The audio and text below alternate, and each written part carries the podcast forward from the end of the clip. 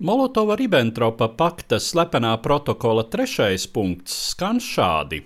Attiecībā uz Dienvidaustrumu Eiropu padomju puse lūdz ievērot savas intereses Besarābijā. Vācu puse paziņo par pilnīgu politisku neieinteresētību šajās teritorijās. 1940. gada 26. jūnijā PSRS ārlietu tautas komisārs Vjačeslavs Molotovs iesniedza Rumānijas sūtnim Maskavā ultimātu ar prasību nodot Padomju Savienībai Besarābijas provinci un Bukovinas provinces ziemeļu daļu. Besarābija, teritorija starp Dņestru austrumos un Prutu rietumos, līdz 19. gadsimta sākumam bija daļa no Moldāvijas kņazistes, Osmaņu impērijas vasaļvalsts. Tad Krievijas impērija pēc kārtējā kara ar Turciju to ieguva savā īpašumā. Savukārt 1918. gadā Besarābijas zemes padome nobalsoja vispirms par atdalīšanos no Krievijas, bet vēlāk par pievienošanos Rumānijai. Tas bija loģiski, ievērojot, ka iedzīvotāju lielākā daļa šeit jau kopš viduslaikiem bija rumāņi. 1940. gada padomju ultimāts satur melīgu apgalvojumu, ka šeit pamatā dzīvojot ukraiņi. Šāds apgalvojums gan bija patiesas attiecībā uz Ziemeļbukovinu, taču tā līdz tam laikam nekad nebija ietilpusi Krievijā.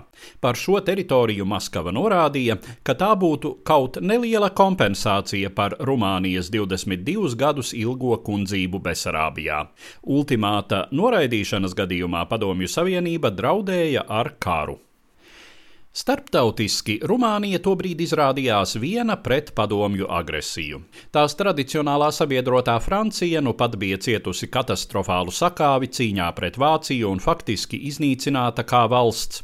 Vācija, kura vienīgā varētu sniegt reālu palīdzību, ieteica dot Staļinam prasīto.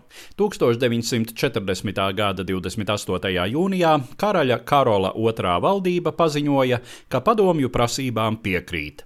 Tajā pašā dienā Rumāņu armija un pārvaldes iestādes steidzīgi pameta atdodamās teritorijas, uz Rumāniju bēga arī ap 200 tūkstošiem iedzīvotāju.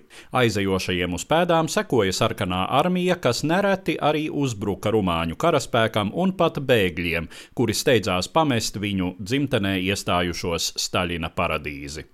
Ziemeļbukovinu un Besarābijas dienvidus padomju režīms pievienoja Ukrainai, savukārt pārējā Besarābijā izveidoja Moldāvijas padomju Socialistisko republiku, kurā iekļāva arī daļu no Moldāvijas autonomās republikas, kas līdz tam bija pastāvējusi padomju Ukrainas sastāvā.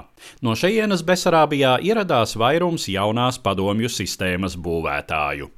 Dažā ziņā padomju realitāte Moldāvijā bija vēl drūmāka nekā Baltijā, jo padomju vara centās visiem līdzekļiem kultūrāli nošķirt šo republiku no kaimiņos esošās Rumānijas.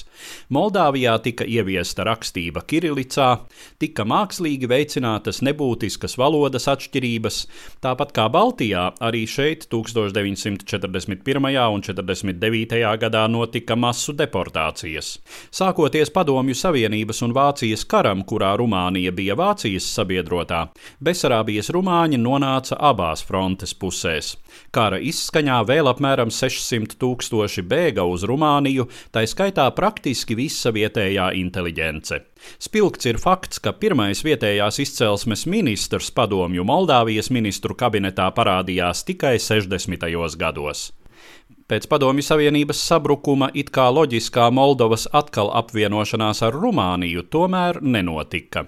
Viens iemesls bija vietējās politiskās elites ambīcijas, otrs, ka ekonomiski Rumānija Moldovai neko daudz nevarēja piedāvāt. Tomēr visa postpadomju attīstība Moldovā liek arī domāt, ka atrašanās Krievijas impērijas un pēc tam PSRS sastāvā ir izveidojusi īpatnēju, no pārējiem rumāņiem atšķirīgu Moldāvu identitāti. Stāstīja Eduards Liniņš.